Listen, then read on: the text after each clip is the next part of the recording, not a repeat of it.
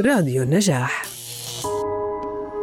نحب أن نرى جميع من حولنا بأتم الصحة والعافية، ولكن ثم أوقات يختارهم المرض، كما ثم أوقات يختارونهم هم بسبب إهمالهم لأجسادهم.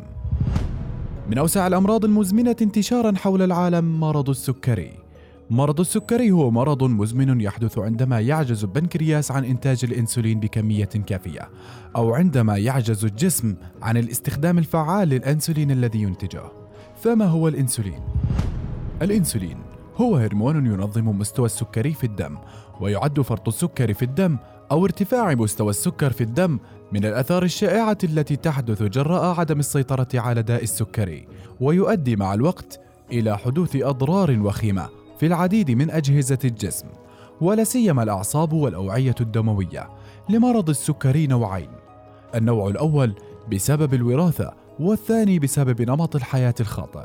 إذ أعلنت الجمعية العامة للأمم المتحدة الرابع عشر من نوفمبر اليوم العالمي لمرضى السكري وذلك للاعتراف بالحاجة العلاجية لمتابعة الجهود متعددة الأطراف لتشجيع وتحسين الصحة البشرية ولإتاحة إمكانية الحصول على العلاج والتثقيف في مجال الرعاية الصحية كما تشجع قرارات الجمعية العامة للأمم المتحدة الدول الأعضاء على وضع سياسات وطنية للوقاية من مرض السكري وعلاج المصابين به ورعايتهم بما يتماشى مع سبل التنمية المستدامة في نظامها بمجال الرعاية الصحية. نتمنى لكم السلام لمن أصيبوا بمرض السكري والسلام للبشرية جمعاء.